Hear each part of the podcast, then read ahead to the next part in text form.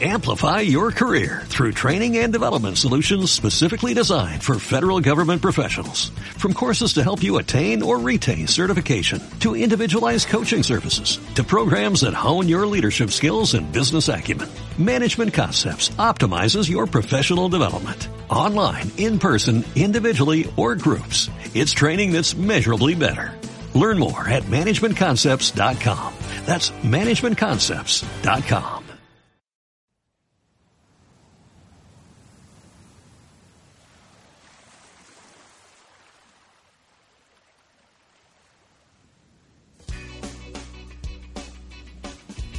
Ens acostem a altres pobles.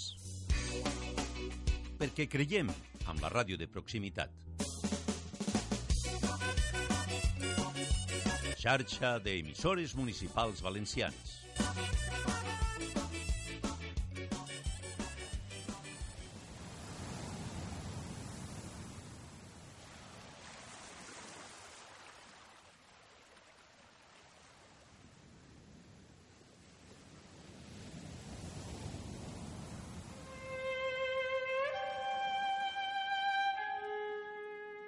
Viatjar. I en dius? On has anat? D'on arribares? Em dius? Quin souvenir? Quin forat negre? A les maletes sempre buides, apenas hi cabria el cap d'una agulla. Viatges? L'esperança. L'aparició sobtada. El destí? Un cop hauràs travessat l'horitzó. Allà, i vas trobar alguna cosa. Encara esperes? Encara?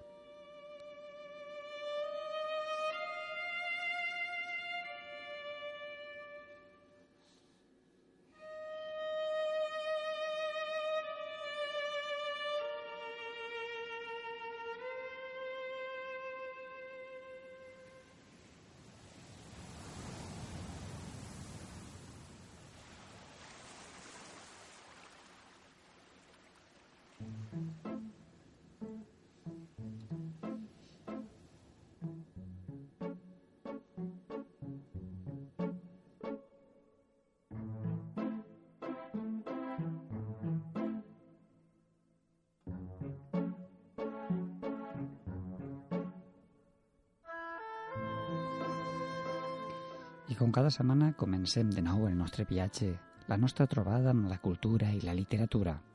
Ja sabeu que esteu a Mar de Muses. Perquè el temps passa i ho podem veure quan mirem per la finestra. Un raig de sol abans perdut s'extravia a través del vidre i ens fa dibuixos a la taula nosaltres també anem avançant a poc a poc amb el temps. Intentem fer jocs de paraules que es puguen seduir. Ja sabeu que Mar de Muses intentem traure-li el màxim suc a la bellesa, a la paraula, a la vida. També sabeu que un servidor, Alfons Navarret, dirigeix el programa, posa veu al programa i també dirigeix la taula tècnica de control.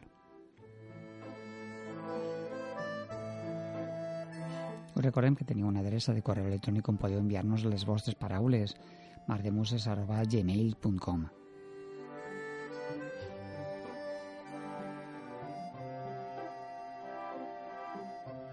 I a més a més també recordem que tenim una, un corrent, un compte d'Instagram on de tant en tant anem penjant d'imatges, de poemes o de llibres que ens agrada parlar.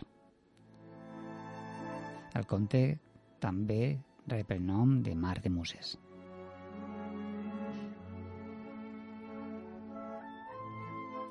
Esperem que podreu acompanyar-nos els propers 55 minuts, ara 51 minuts aproximadament.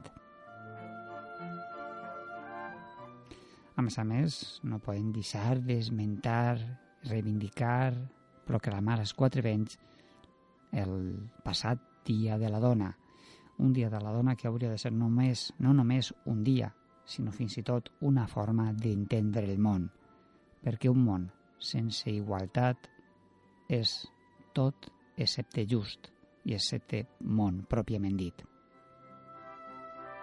Així, més que un dia de la dona, com dic, hauríem d'esperar un any sencer de la dona i de la dona i de les persones desvalgudes i dels infants i dels refugiats.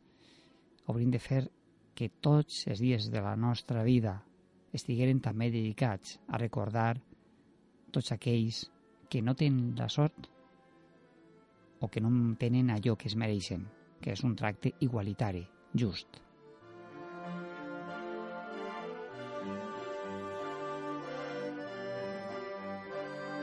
Comencem, sense més, el nostre programa. Benvingudes i benvinguts a casa vostra.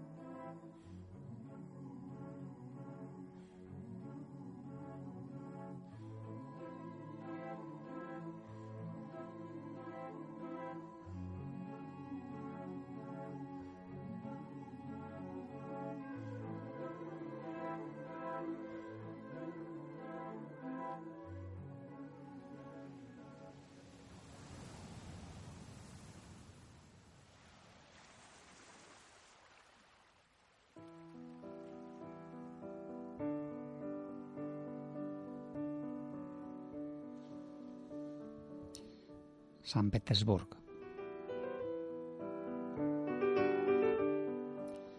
Allí no hi havia res, sols fang, una terra gèlida i pantanosa, com el vent que assola les consciències. Després on pensar a crear la il·lusió d'un horitzó que confrontés amb l'infinit, l'agulla daurada i la perfecció de la perspectiva Nesqui, amb una mirada que talla l'alè amb els seus ulls de tigre polar amb àtova, destrueix manuscrits. No deixarà que l'ànima es transformi en pedra, condemnada a recordar. La tenebra es menja milers d'ànimes. No escriu. Sols recita els versos a la memòria mentre crau, cauen grans flocs de neu. Un blanc cru cobreix la fisonomia de l'urs durant anys durant segles, sobre els vius i sobre els morts. El desig, però, serà inalterable. Foc sobre entre la cendra que manté el caliu, malgrat l'hivern que devora el capvespre, malgrat la mar que s'hi fa gel.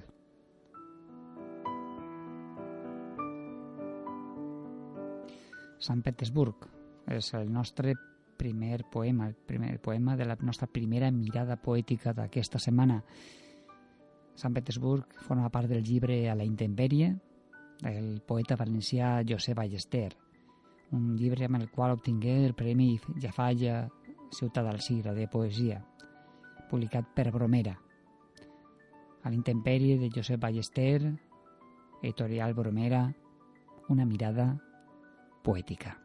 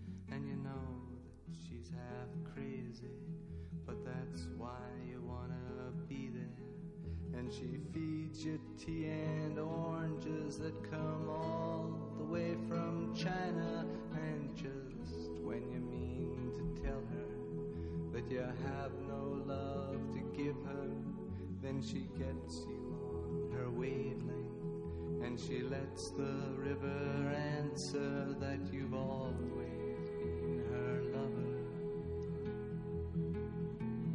And you want to travel with her, and you want to travel blind, and you know she will trust you, for you've touched her perfect body with your mind.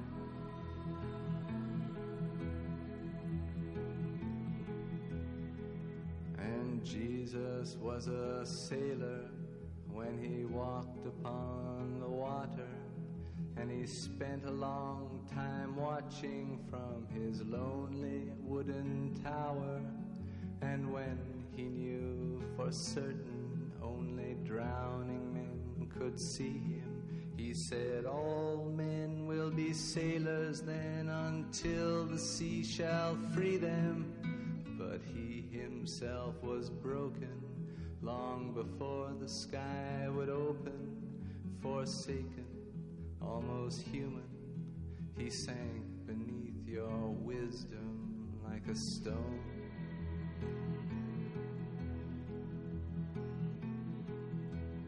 And you want to travel with him, and you want to travel blind, and you think maybe you'll trust him, for he's touched your perfect body with his mind.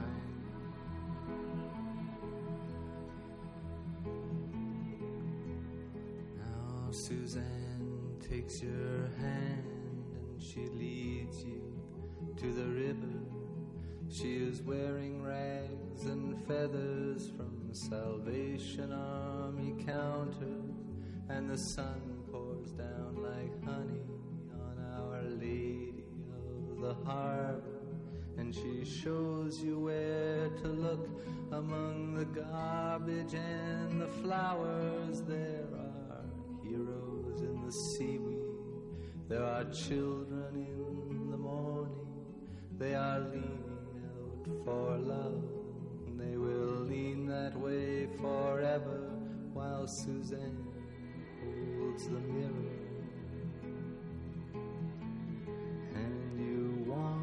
Travel with her, and you want to travel blind, and you know you can trust her, for she's touched your perfect body with her mind.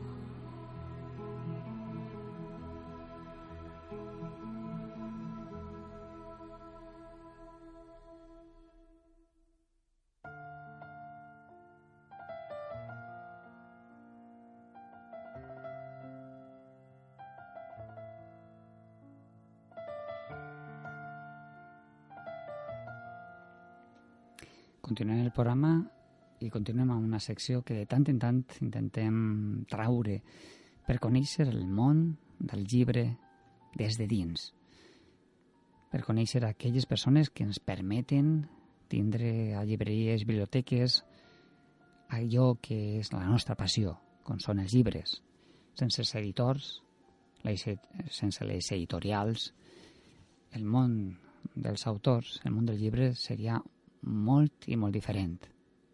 Ells contacten amb els escriptors, ens presenten el llibre en un format molt acurat i fan possible la nostra lectura.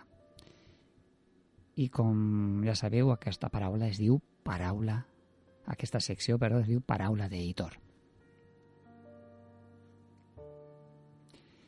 I ja sabeu que ens agrada molt eh, contactar amb editorials molt diverses. Aquesta setmana contem amb una editorial valenciana que fa uns anys que comença a treballar, que està fent llibres de qualitat molt interessants, especialment centrada en l'àmbit de la poesia.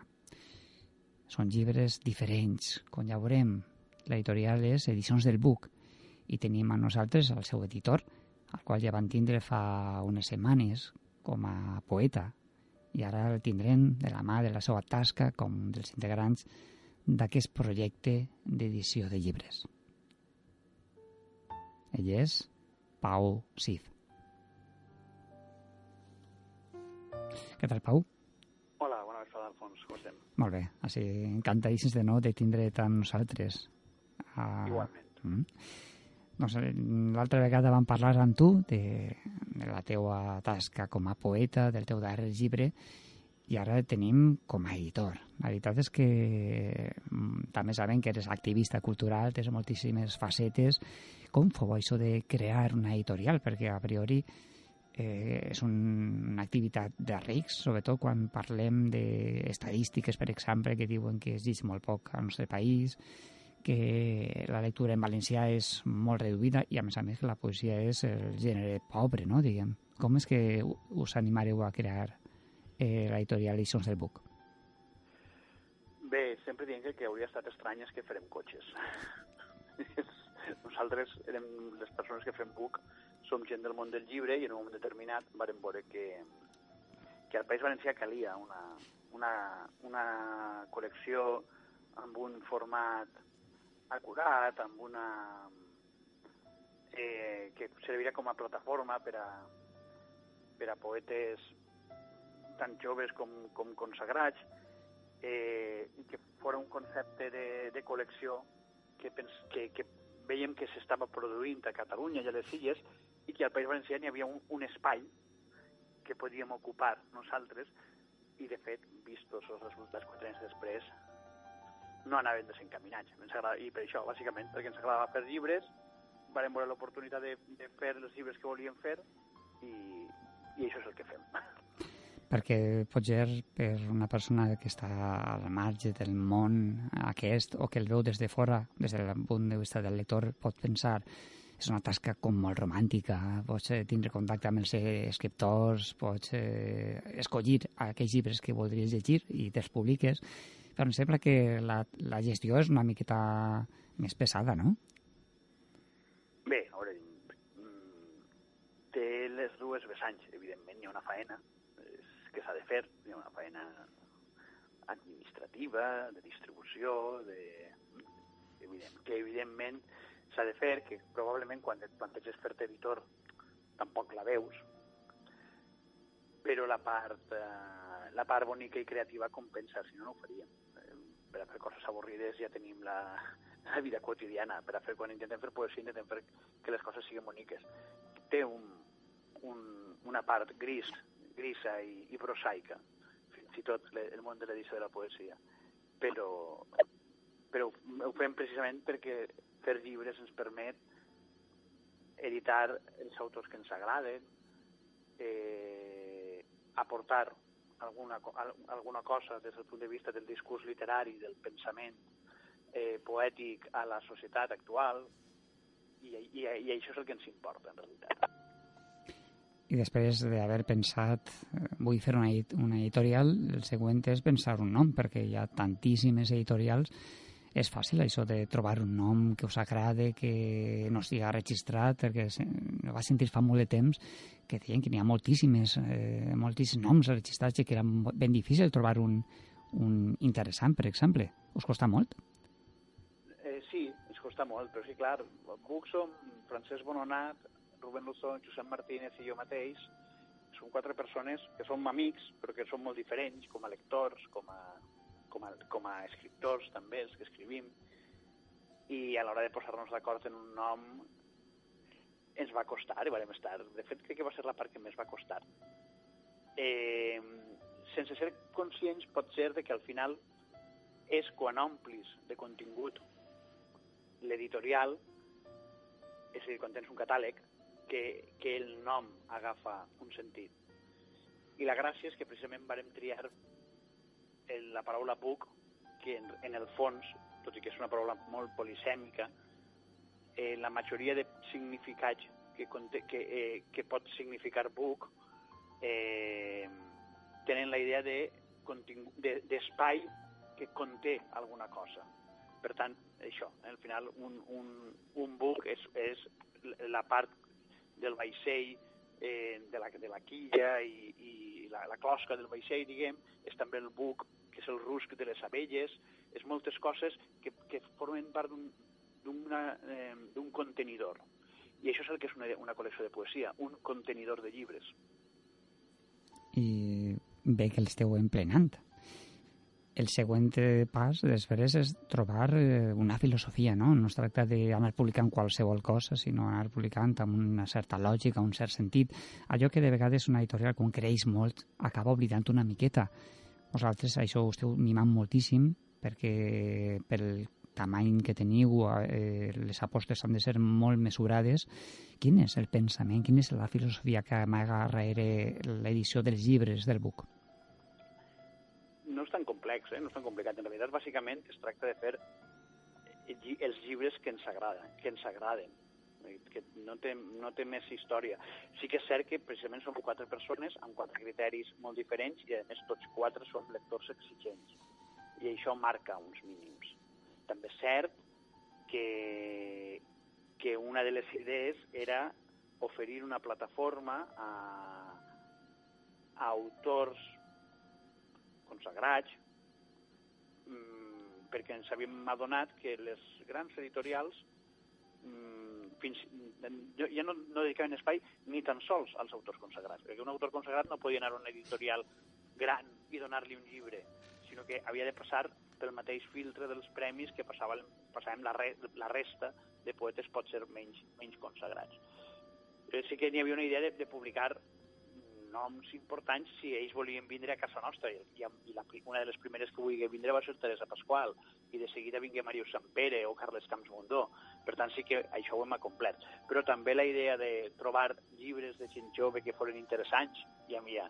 I la idea de publicar traduccions de noms fonamentals de la tradició bé, la tradició universal, universal. De moment hem publicat autors europeus i d'Amèrica del Nord, però el, el, el ventall està, està obert. Per tant, en realitat, sí que n'hi ha una filosofia, però aquesta filosofia bàsicament és tindre el nivell d'exigència alt. Mm, però estèticament, en realitat, mm, el que volem és descobrir i, per tant, qualsevol estètica ens pot interessar a priori, sempre i quan siga un treball de qualitat. Eh, has parlat d'autors nostres, d'autors internacionals. Per tant, eh, esteu obrint, esteu donant a conèixer autors eh, que d'una altra manera tindrien o una dificultat per a ser traduïts, per exemple, o fins i tot esteu permetent que autors nostres eh, continuem publicant. Per cert, eh, com és possible que en el nostre mercat autors consagrats tinguin aquesta dificultat per a editar sense premis, com sí que ocorre en altres literatures, com per exemple la veïna? Castellà, un autor quan és consagrat ja té les seues editorials, ja comença a publicar de forma habitual, i així per què no passa això? Això és una pregunta per als senyors editors que guanyen molts diners. els senyors editors que guanyen pocs diners ens permetem el luxe de publicar allò, de publicar la, la gent que ens agrada, però eh, els, els que busquen uns índexs econòmics, clar, la poesia dona pocs, dona pocs diners, és poc rentable, ja està. Jo crec que és una qüestió de diners, bàsicament de, de diners. Eh, fa uns anys no era així, fa uns anys n'hi ha, un gran grup editorial que pu publicava sense premi a autors grans, encara passa, eh, de tant en tant, no, no és una cosa que no, que no passe de cap de les maneres, però sí que és cert que, que, que és sorprenent que, que en una literatura com la nostra, en la que la poesia és un gènere central, fonamental, mmm, els editors que arrisquen siguin els editors xicotets però també passa en altres àmbits, també passa en la narrativa, també passa en l'assaig. Jo el que crec és que al final n'hi ha un, un gran grup editorial que, que fa el que ells s'entenen i de tant en tant fan alguna, alguna cosa molt interessant, perquè evidentment són un grup molt gran, i després n'hi ha tota una caterva d'editorials xicotetes, independents, mitjanes, que, que intentem fer les coses d'una altra manera. En aquest sentit, Book estem dins de les més xicotetes de totes. som, som minúsculs. No som els únics que som tan xicotets. Això ens dona... ens, ens allibera d'una sèrie d'obligacions eh, com és la d'arribar a final de mes, perquè això no és la nostra feina, això és el que fem nosaltres per gust, que eh, en altres editorials genera un altre tipus de, de negoci i que, per tant, això és completament comprensible. El que jo no entenc és que tot siga negoci i no n'hi hagi la voluntat de publicar bona poesia i que els bons autors no, no troben un espai en, en, en les grans col·leccions de tota la vida. No? bé, per això eixim nosaltres, però no, no som només nosaltres, és a dia Edicions a Mallorca, és la Breu, o Cafè Central a Catalunya, és la Fosca també, també a Mallorca, eh, és la tasca que havia fet durant, que, que havia fet i que encara fa, tot i que publiquen ja menys edicions de la guerra al País Valencià. Eh, la poesia sempre s'ha mogut en aquest àmbit, no és una cosa d'ara. Però jo no ho veig. No sé si és una qüestió una, de crisi o de què és així. En tot cas, sé que veiem que si comencen o continuen naixent nous projectes, editorials més menudes, més mitjanetes, això vol dir que hi ha un públic lector, un públic que li agrada aquest format, que li agrada aquest eh, risc per part dels editors i, per altra banda, suposa que n'hi ha una altra tasca imprescindible i és que els llibres no només se queden en una llibreria, sinó que hi ha una tasca de gestió, de presentacions, d'actes, de dur els llibres amunt i avall, que també us deu ocupar molt de temps, no?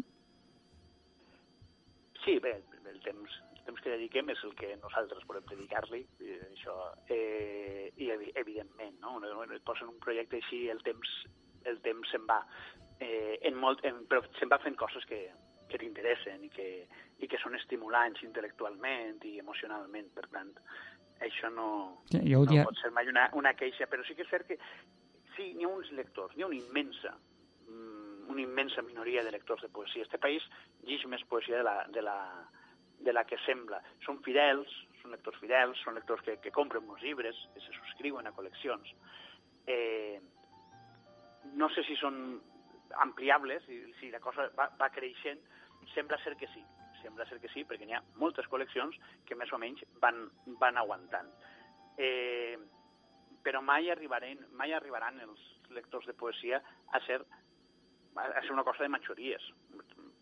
Això ha estat així sempre i no, i no crec que, que, que canvie. Jo m'alegre molt quan algú, algú com Marc Granell entra en les llistes de llibres més venuts. Perquè són aquestes excepcions de, eh, les, que, les que et fan pensar que en realitat la, la poesia té més lectors en potència dels que sembla. Però en realitat, això, hm? Marc Granell és una meravellosa eh, excepció de, de poeta que arriba a moltíssima gent, però després de molts anys de faena i de trajectòria. O Estellers, no? Per, per, per, per nomenar algú encara entre nosaltres, no? Mm -hmm. eh, o ara, ara Jaume Pérez Montaner o Josep Pierre han publicat la poesia completa al Magnànim i també seran autors que segurament arribaran a un públic més ampli. Però això està reservat per a uns pocs. Eh, la resta dels poetes jo crec que aspirem un poc a tindre una colla de lectors que, que ens acompanyen i que, que estiguen allà en les presentacions, que, als quals sabem que els estem comunicant alguna cosa i amb això jo crec que ens podem donar per satisfets. Sí, jo eh, volia comentar-te que no era com una cosa negativa, sinó positiva, perquè moltes vegades, quan una persona publica una editorial més important, sembla que han publicat i han fet prou i que el món de les presentacions, apropar i mimar el llibre i dur-lo al lector és qüestió de l'autor. Mentre que en les eh, editorials més menudes em sembla que no només es, es mima, es cuida moltíssim el producte, sinó també es treballa molt de cara a apropar el producte, el llibre, als lectors. I per això deia lo del temps, però en sentit positiu, sí. eh? Bueno, és que ens, en, un, un autor de poesia que ens, que ens regala un llibre a l'editorial, perquè al final, així, intercanvi de diners n'hi ha poc, eh, el, que el mínim que podem fer és cuidar-lo, cuidar i cuidar el llibre i cuidar la persona perquè ens ha donat moltes hores de la seva vida i, molt, i, i, i una feina molt, molt delicada i, i molt laboriosa. Jo no, no, no ho puc entendre d'una altra manera. Mm -hmm. I, i, I em fa ràbia quan veig que mercat editorial funciona en uns altres paràmetres. Però és que pot ser precisament la poesia no ha de moure's en els paràmetres del, del mercat editorial, ha de moure's d'una altra manera. I precisament sí que és cert que per als poetes, que això sí que crec que és diferent eh, amb, altres, eh, amb altres gèneres, potser m'equivoque, eh, per als poetes el directe és molt important. La paraula dita, la paraula el, el recital, la presentació, és molt important. No només perquè és quan més es ven, que també, sinó perquè aquest contacte amb, amb el lector eh, fa que els poemes tinguen una vida més enllà de la, del paper. I això està bé. Una cosa que també volíem preguntar és com arribeu a, a tindre els projectes entre mans? Els busqueu, que un autor, per exemple, que us agrada i el perseguiu, li proposeu d'editar, o són els autors els que venen a vosaltres i us eh, proposen els seus projectes i alguns d'ells us interessen i els publiqueu? Depèn. Els primers autors els varen buscar nosaltres. Begoña Mesquita i Teresa Pasqual els varen buscar nosaltres perquè no, no existíem i, per tant, després depèn. Hi ha autors que els hem buscat, hi ha autors que ens han buscat. Tenim un correu electrònic al qual de tant en tant arriben originals, tenim un... ens moguem pel món literari, i això vol dir que mantenim converses, eh, ens arriben propostes, eh, depèn. Cada, cada llibre té una xicoteta història darrere i suposo que algun dia l'explicarem, però mm, no n'hi ha una fórmula simplement eh, el que sí que n'hi ha és un moment, de, és un moment difícil d'haver de, de triar molt i d'haver de descartar moltes coses no totes descartables, moltes de les que, coses que descartem que ens interessen però que no les descartem perquè les descartem perquè fem quatre llibres l'any, no en podem fer més. Mm. Per tant, és una cosa de molta exigència de un, pujar el, ni, el nivell al màxim perquè els quatre siguin quatre llibres imprescindibles, quatre llibres eh, molt valuosos, no? Tres llibres, els quatre llibres que nosaltres volem fer aquest any. Eh, i, I que per a nosaltres, per tant, són llibres imprescindibles. Si després això coincideix amb, amb el criteri del, del públic, doncs... Mm, millor. Encara millor, però mm. nosaltres intentem és que siguin quatre llibres que a nosaltres ens agraden i que cobrisquen les nostres expectatives i els nostres interessos mm, estètics i intel·lectuals, clar. I també està, òbviament, eh, que el llibre és no només una, una cosa intel·lectual, una lectura, sinó només un objecte que cal cuidar, que cal tractar amb un disseny determinat. Em sembla que també això ho heu treballat fins al detall. Sí, nosaltres tinguem la, la sort de, al principi del projecte, arribar a un un acord eh, amb el dissenyador valencià Didac Ballester, que és qui ens ha fet tot el disseny de la col·lecció, i Didac Ballester ha fet molt, havia, ha fet molt de disseny de, de llibres, de catàlegs d'art i això, però en realitat la primera feina amb literatura, diguem que va ser amb, amb nosaltres, eh, però clar, és un, és un dissenyador meravellós, un dissenyador magnífic, i, i ha entès molt bé què és el que volíem transmetre en Buc i aquesta és la sort que hem tingut, de comptar, eh, a banda dels quatre noms que he dit abans, Josep, Rubén, Paco i jo, eh, amb, una cinquè, amb un cinquè element fonamental de Buc, que és Didac Ballester, que és qui fa que aquests llibres siguin tan bonics com són. Evidentment, el disseny era fonamental. Eh, actualment, en el món d'internet, jo crec que s'imprimís molta cosa que no és necessari imprimir. Per a, per a segons quines coses val la pena fer un blog mm. no una pàgina web. Si imprimim llibres, els llibres han de ser objectes valuosos, no poden ser qualsevol cosa.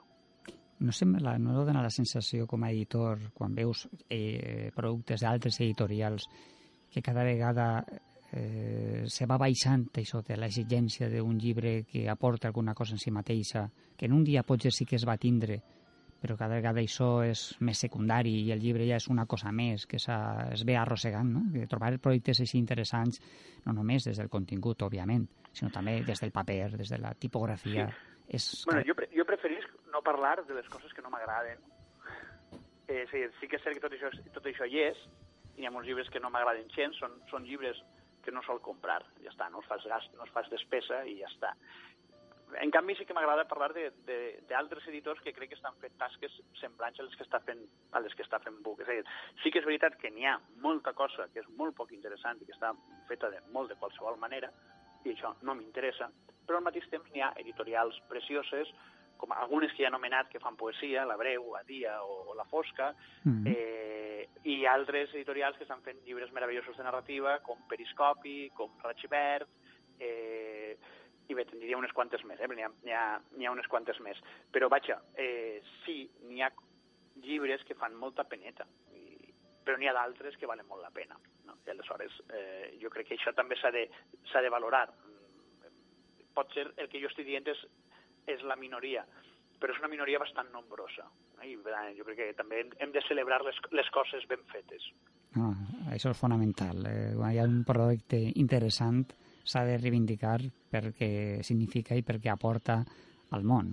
Eh, millorar la bellesa, millorar... Eh, que el llibre no només és un suport, sinó també és una finalitat en si mateix. Sí, clar. A, veure, mm, nosaltres el que estem fent és, és eh, ampliar el catàleg de, de la poesia de la poesia catalana. Eh, I n'hi ha altres editorials que estan ampliant el catàleg de la poesia, de la narrativa i de l'assaig. Aquestes editorials també ho estan fent molt bé i, i jo crec que els, els companys editors dels quals jo, jo només com a editora, en el fons sóc un aficionat, hi ha gent que, que està fent unes tasques professionals magnífiques, eh, jo crec que se'ls se, se ha de valorar i se'ls ha d'aplaudir als que ho fan bé. Em, em permet el luxe de no dir noms dels mm -hmm. que crec que no ho fan bé. Sí, sí. Eh, eh, però els que ho fan bé dic el nom i el cognom perquè crec que, crec que és important. De la mateixa manera que m'alegre molt de, de, quan el, nos, llibres nostres, com per exemple ara acabem de publicar la poesia de Hannah Arendt, eh, que ha, rebut una, una, ha tingut una acollida mm, meravellosa, brutal, perquè molta gent ha descobert que Hannah Arendt també és una filòsofa fonamental, és una poeta, eh, és una molt bona poeta, eh, i he, he rebut el feedback de companys editors. Dic, això està molt bé, perquè veus que en realitat no som la competència de ningú, som els, els socis i els aliats de la literatura catalana. I ara parlant ja del, del vostre producte com a editorial, te demanaria que em parlares de llibres que acabo de traure, de projectes que teniu entre mà, perquè òbviament hem parlat molt del projecte del book, però convé començar a dir noms, coses que els nostres oients puguen trobar i que es pugui agradar. Has esmentat a Hannah Arendt. Parla'ns. Sí, a veure, noms, mm, com que són pocs llibres fins ara, n'hem fet 17, te'ls puc dir pràcticament tots. He nomenat a Begoña Mezquita, he nomenat a Teresa Pasqual, que van ser les primeres, Carles Camps Mundó i Màrius Sampere les varen seguir. Carles Camps Mundó i Màrius Sampere són dos noms fonamentals. Mm. També, també ho són Teresa i, i Begoña, per descomptat. Eh, Teresa i Begoña van començar amb, amb dos dones del País Valencià, van seguir amb dos homes de Catalunya, eh, i el quart el cinquè llibre és, era Serena Barca, de Maria Josep Escrivà, que és un llibre que ens ha donat moltíssimes alegries, va ser el Premi de la Crítica, ha estat el, és un, un llibre que es continua venent, llegint, citant, comentant, una meravella. Eh, però després hem publicat traduccions, que són fonamentals per a nosaltres. Varen publicar la poesia última d'Amor i Malaltia del poeta gallec Luis Pereiro, hem publicat eh, La nit fidel i virtuosa de, de Louis Gluck, que és una de les grans poetes americanes. La, la, Louis Gluck en castellà està publicada per una altra editorial valenciana fantàstica, que és Pretextos, uh. Eh, i la versió catalana està publicada per Edicions del Buc. El llibre que nosaltres hem publicat no està en castellà, però altres llibres d'ella sí que estan en castellà. Eh, després hem publicat també una traducció brutal d'Anna Montero, del poeta de, de la Martinica, Eimé Césaire, que és un poeta dels anys 30, eh, èpic que explica el dolor i que, que defineix el, el dolor del, dels pobles del, del Carib i o sigui, de, de la, la, la idea de negritud, la idea de, de la consciència de ser negre i de ser, i de ser un poble oprimit, els negres del Carib, naixen amb aquest poema èpic que és Quadern d'un retorn al país natal. Eh, I la quarta traducció que hem publicat és precisament la poesia de, de Hannah Arendt. Ara mateix, en canvi de, de poetes, diguem, nostres, eh, acabem de publicar el, el llibre Escorcoi, de Marta, de Marta Pérez Sierra, que és un llibre que ha guanyat el Premi Manel Rodríguez Martínez Ciutat d'Alcoi, que des d'aquest any publiquem nosaltres, eh, que és un, és un poemari molt intens en el que es relata la relació entre dues germanes, una, una de les quals està a la presó i que és la protagonista del llibre, i el jo poètic, que és l'altra germana que va a visitar i que viu, recorda com eren les, elles de xicotetes i, i, com, i, i viu el patiment de la germana dins de la, dins de la presó. És un llibre intens, dolorós, però al mateix temps molt elegant. Eh, hem publicat altres autors, com Ramon Ramon, Josep Porcar, Miquel Besares, Núria Armengol, Pere Siscar, eh, alguns d'ells autors consagrats, eh, com Ramon, Porcari, Besares, tenen una trajectòria ja llarga, altres nous. Núria Armengol és el primer llibre que publicava. O algú com Pere Siscar, que Pere Siscar, tot i que és un poeta mm, de la meva edat, és més gran que jo en edat, és un poeta que havia publicat un parell de plaqueig i amb nosaltres ha publicat el seu primer eh, llibre complet, un llibre que és divertidíssim, no? un poeta que té una capacitat de xoc, amb, amb, de jugar amb la llengua realment impressionant. Llavors, com veus, crec que t'has fenomenat tots, eh? Crec que no em, sembla, em sembla que sí, eh? em sembla que... Eh, però és que en realitat és un catàleg curt i intens, per tant jo crec que val la pena en un programa així aprofitar que em dones temps Sí, per sí. anomenar-los tots. Les novetats, precisament això, Hannah Arendt, que és de desembre, i Escorcoll, de Marta Pérez Sierra, que el distribuïm la setmana que ve. Dissabte li varen donar el premi a Marta, al COI, varen fer la festa al COI, al Centre Ovidi Montllor, amb Manel Rodríguez Castelló, que és qui convoca el premi en nom de l'associació Amics de Joan Valls, i, i a partir d'ara comencem a distribuir-lo.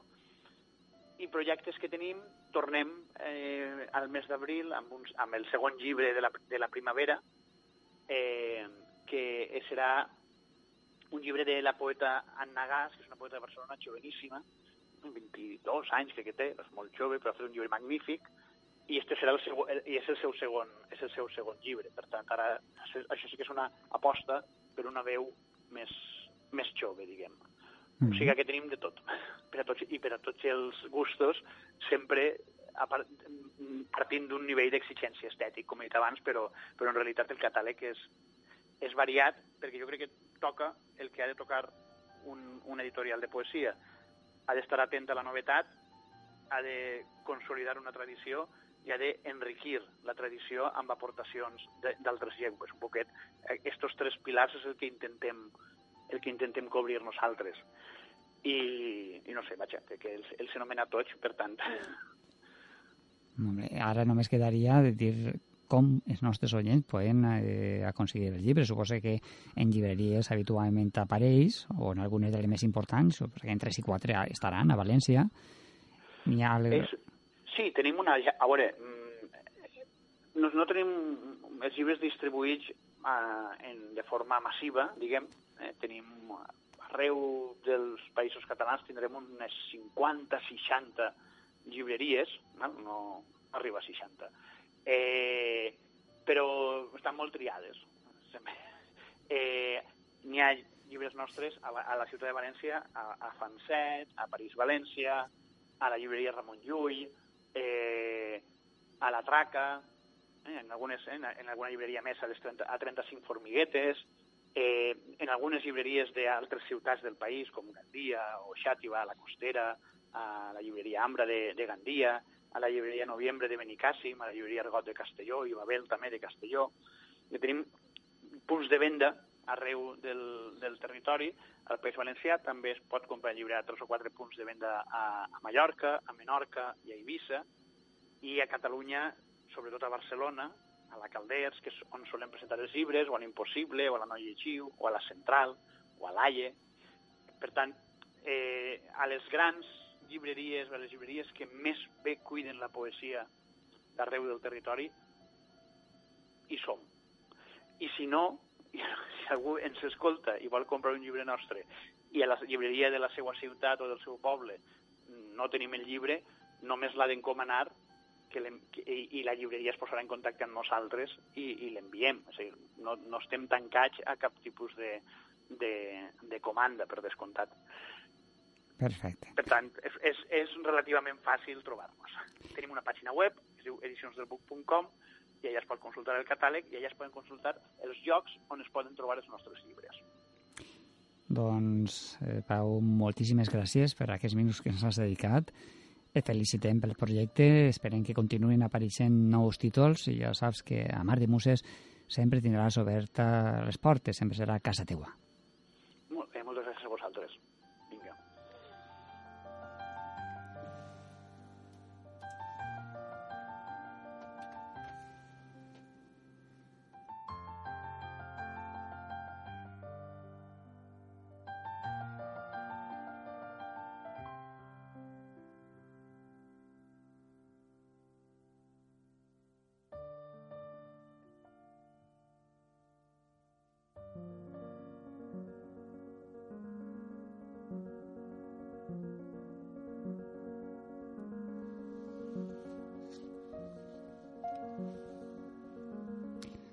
Has arribat amb la claror, que despunta el sol post abraonat per la tebiesa de les ombres, vagant entre núvols de paper que s'esmunyen els límits de la contradicció i l'equilibri.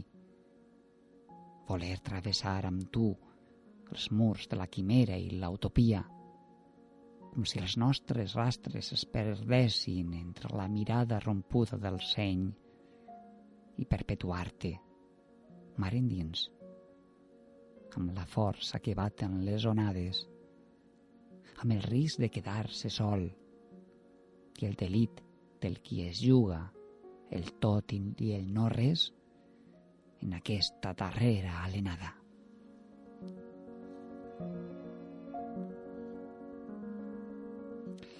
Hem escoltat un poema del llibre L'espera de la letargia, llibre de Maria Teresa Ferrer, un llibre publicat per eh, Finis Africae,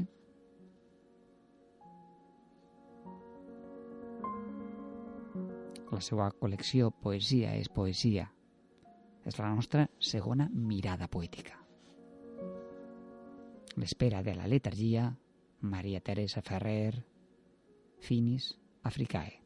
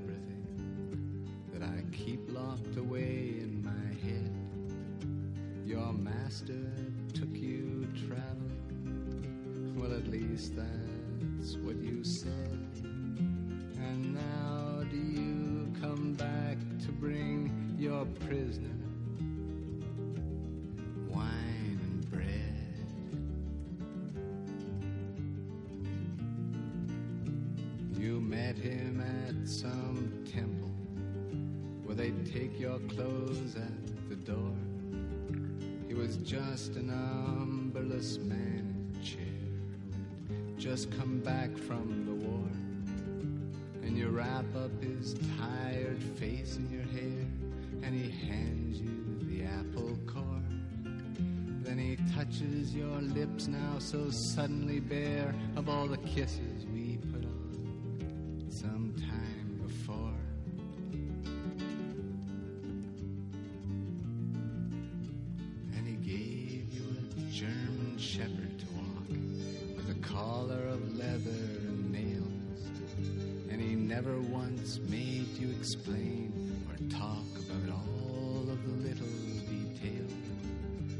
such as who had a worm and who had a rock and who had you through the mails.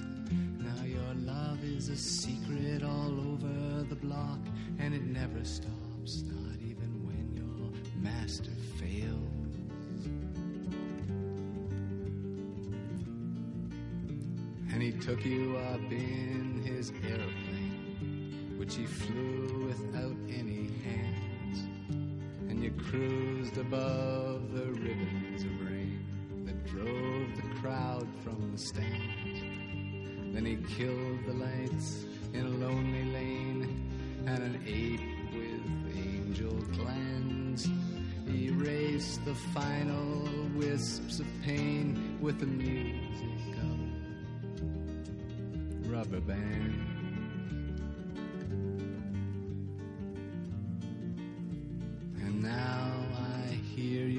master sing, you kneel for him to come.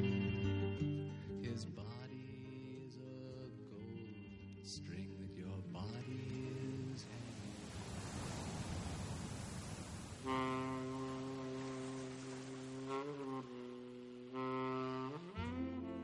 amb aquesta música com no entrem en la secció dels contes, les històries, la imaginació i com no, per això la secció es diu Una de contes. Una secció que, com sempre, és possible gràcies a la nostra amiga Teresa. Què tal, Teresa? Molt bé, així molt contenta perquè estic plena de primavera i això m'encanta. I, I així estic en, en, eh, en un conte abans de que arriben aquestes, bueno, aquestes falles que ja estan així, la Sí, sí, veritat. les falles ja han arribat una altra vegada a omplir de so, de color... De... D'això parles dels petards o... bàsicament, no? Efectivament. Per a despertar-nos quan estem dormits tranquil·lament o per a fer revifar la sang, no? De, diria Clar, Arenas clar. de un. I música per tot arreu també. Sí, també sí, tenim ah, sí. els monuments, sempre n'hi ha la imatge positiva i la negativa. La Eh. negativa és que no poden circular en lloc, no? però la positiva és que veiem l'art en el carrer. Efectivament, sí, sí, sí. És, és, és molt bonic, eh? Mhm. Eh, llavors, eh, Porte, no sé si recordes, però l'últim programa vaig dur un, un um, conte d'un escriptor eh, francès que mm, havia, feia dues setmanes que havia, Mhm, sí, sí. havia mort i per fer-li un petit homenatge Sí. perquè és una, un escriptor molt important de, de literatura infantil a banda de ser eh, il·lustrador i, i, però teníem pendent així un llibre que era Contes del mar Efectivament. i altres històries, que no sé si recordeu, però aquestes històries les presentava un dofí. Sí. Sí, que és... Eh, eh, bueno, un dofí. El cas és que així en queda una història per concloure amb aquest, eh, amb aquest llibre. Què et pareix? A, més, és que, mira, com va molt en el programa, perquè ara quan has posat la musiqueta ha sonat primer el mar, Mhm. i, oi, és fantàstic. Bé, Per això, com diu, mar de muses. Mar de muses, clar. La, les he vist a totes, les Estan- muses. Estaven totes convidades a dir. Jo faig fitxar, eh, les muses, si no, mal Clar, clar, ens fan falta, ens fan falta. Eh, llavors, si, si vols, eh, comença a llegir la història. Aquesta història es diu Els pirates i la mar. A l'aportatge. La nau solcava les aigües en lentitud. Empesa per la brisa del matí, la llagosta avançava tranquil·la. Coneixia tots els camins de la mar. Havia navegat més enllà dels confins de la terra, on el món s'acaba i comença la fosca. Sovint havia sembrat el terror, la llagosta. Més d'una vegada els seus homes, pirates de la mar, havien desembarcat als pobles de la costa i havien assaltat els vaixells de càrrega que transportaven productes exòtics i tresors. La gent havia arribat a creure que tenien la mateixa figura de les bèsties, eh, els pirates. Les dones i els infants corrien perduts pels camps i les muntanyes. Els homes combatien per defensar el seu pam de terra, les cases i el bestiar. Aquell dia, mentre la nau solcava les aigües del matí, algú gemegava desesperadament. Ai, ai, ai, ai, ai. Una vegada i altra, la queixa tornava. Ai, ai, ai, ai.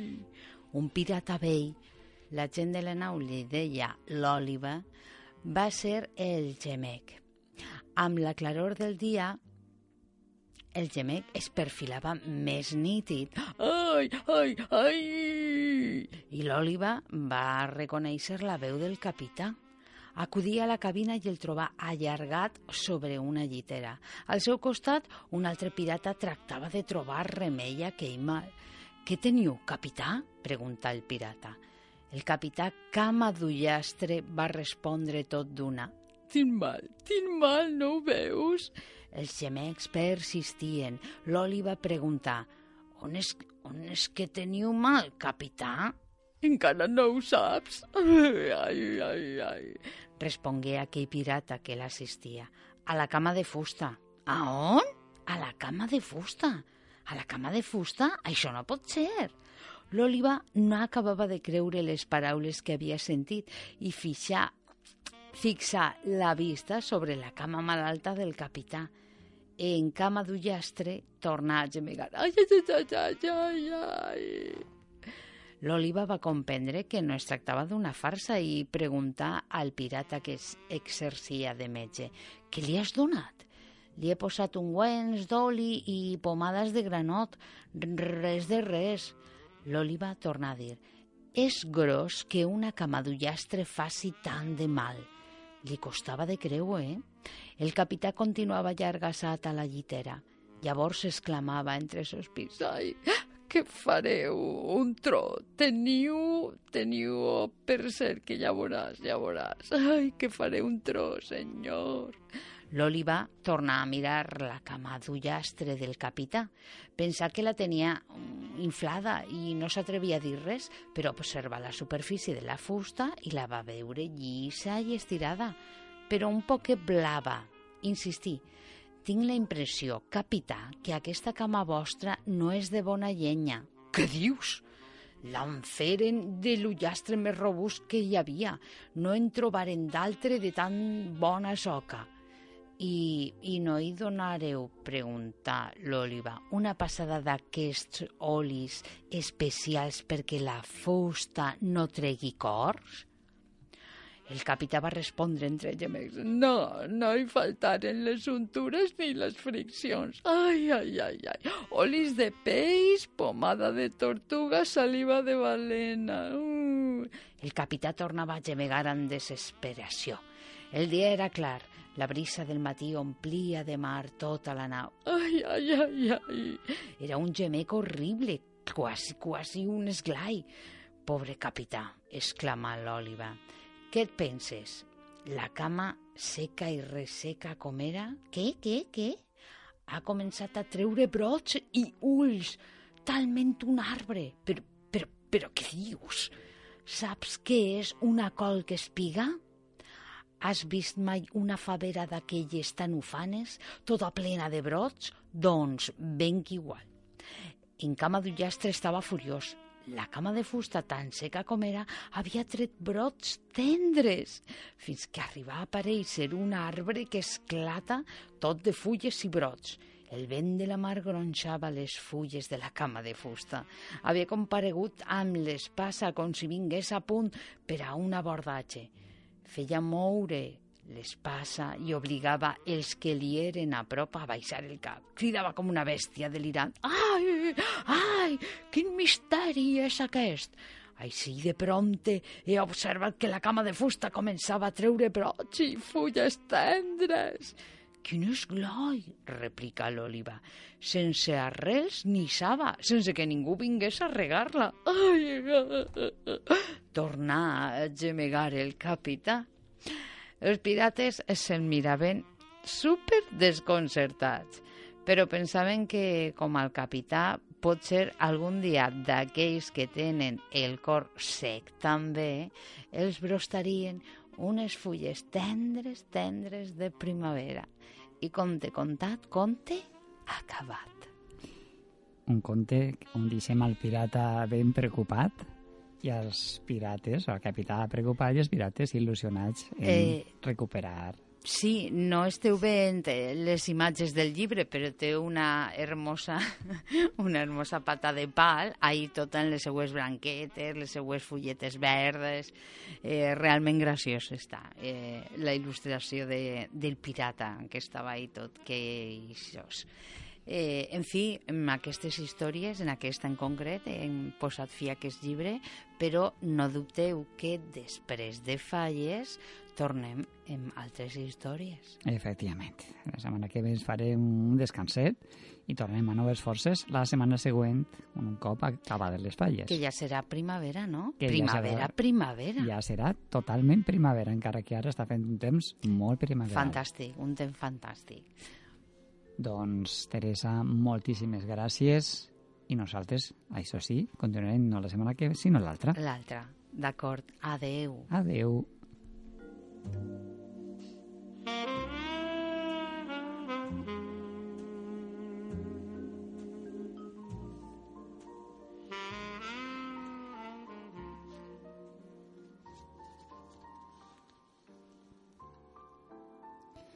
El nom. el nom dins la vena del mur s'hi revolta i desvertebra uns nusos i sotragueja el glaça en l'ànima. Dins el ventre mineral del mur, el nom en llavors, que és vellut, l'enrogeix, l'enrogalla, el deshabita, l'extenua en runes.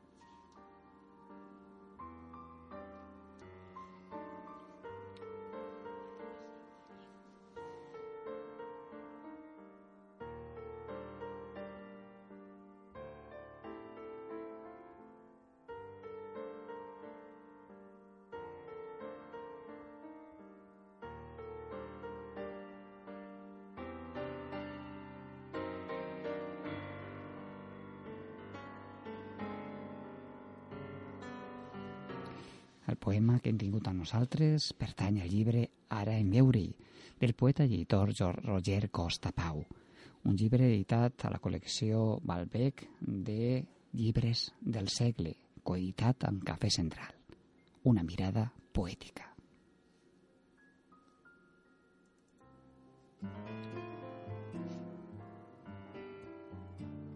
I amb aquesta música posem punt i final al nostre viatge d'aquesta setmana no sense recordar-vos que un servidor, Alfons Navarret, ha posat Déu i dirigit la taula tècnica de control.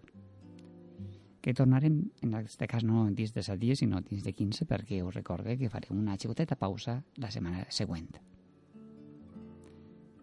Mentrestant, com sempre, us recordem que tenim una adreça de correu electrònic enviar-nos les vostres paraules mardemuses.gmail.com i un compte d'Instagram on també veure algunes imatges, mardemuses. Us desitgem, com no, el més important de tot, que sigueu feliços. I us diem senzillament adeu i adeu. Mar de Moses.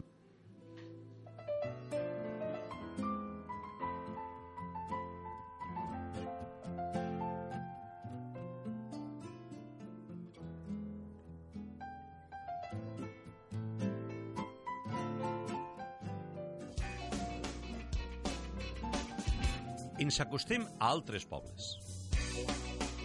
Perquè creiem amb la ràdio de proximitat. Xarxa d'emissores municipals valencianes.